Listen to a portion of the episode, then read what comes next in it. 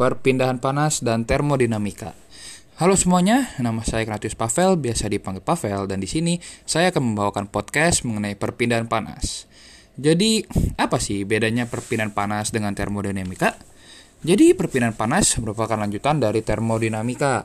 Nah, di sini ada nih kata awal yaitu perpindahan. Nah, apa arti perpindahan? Jadi perpindahan sendiri ini berarti perubahan posisi dari posisi awal ke posisi lainnya. Lalu, di sini apa yang berpindah? Tentu saja yang berpindah di sini adalah energi panas dari titik awal ke titik lain. Perpindahan panas juga mengacu pada sifat energi panas itu sendiri, yang di mana panas akan selalu berpindah dari temperatur tinggi menuju ke temperatur yang rendah. Nah, seperti pada contohnya adalah pada secangkir kopi yang memiliki suhu 60 derajat Celcius didiamkan pada ruangan terbuka dengan suhu 20 derajat Celcius. Lalu apa yang akan terjadi? secangkir kopi tersebut akan mengalami penurunan suhu. Mengapa secangkir kopi tersebut bisa mengalami penurunan suhu? Apakah karena udara dari luar masuk ke dalam secangkir kopi tersebut sehingga kopi tersebut menjadi dingin? Tentu saja bukan.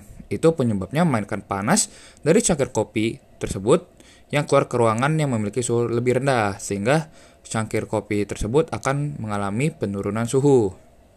Nah, lalu berikutnya nih, apa sih perbedaan perpindahan panas dengan termodinamika? Kalau pada termodinamika, membahas panas mengenai perpindahan kalor dan juga energi lainnya. Pada perpindahan panas, hanya membahas mendalam mengenai energi kalor.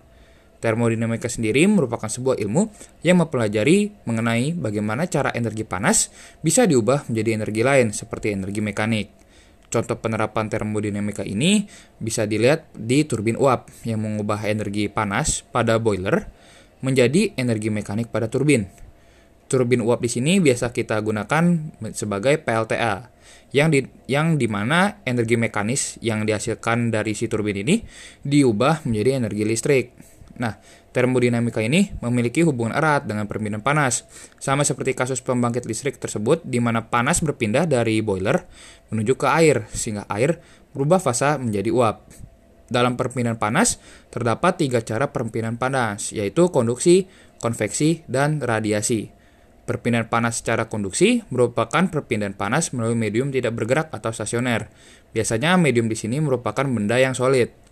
Lalu berikutnya ada perpindahan panas secara konveksi, yang di mana pada perpindahan panas secara konveksi, panasnya ini berpindah melalui medium yang bergerak dan biasanya berupa fluida. Lalu berikutnya ada perpindahan panas secara radiasi. Perpindahan panas secara radiasi merupakan perpindahan panas tanpa medium, atau bisa juga melalui gelombang elektromagnetik. Oke, mungkin sekian hal-hal yang bisa saya sampaikan mengenai perpindahan panas. Terima kasih.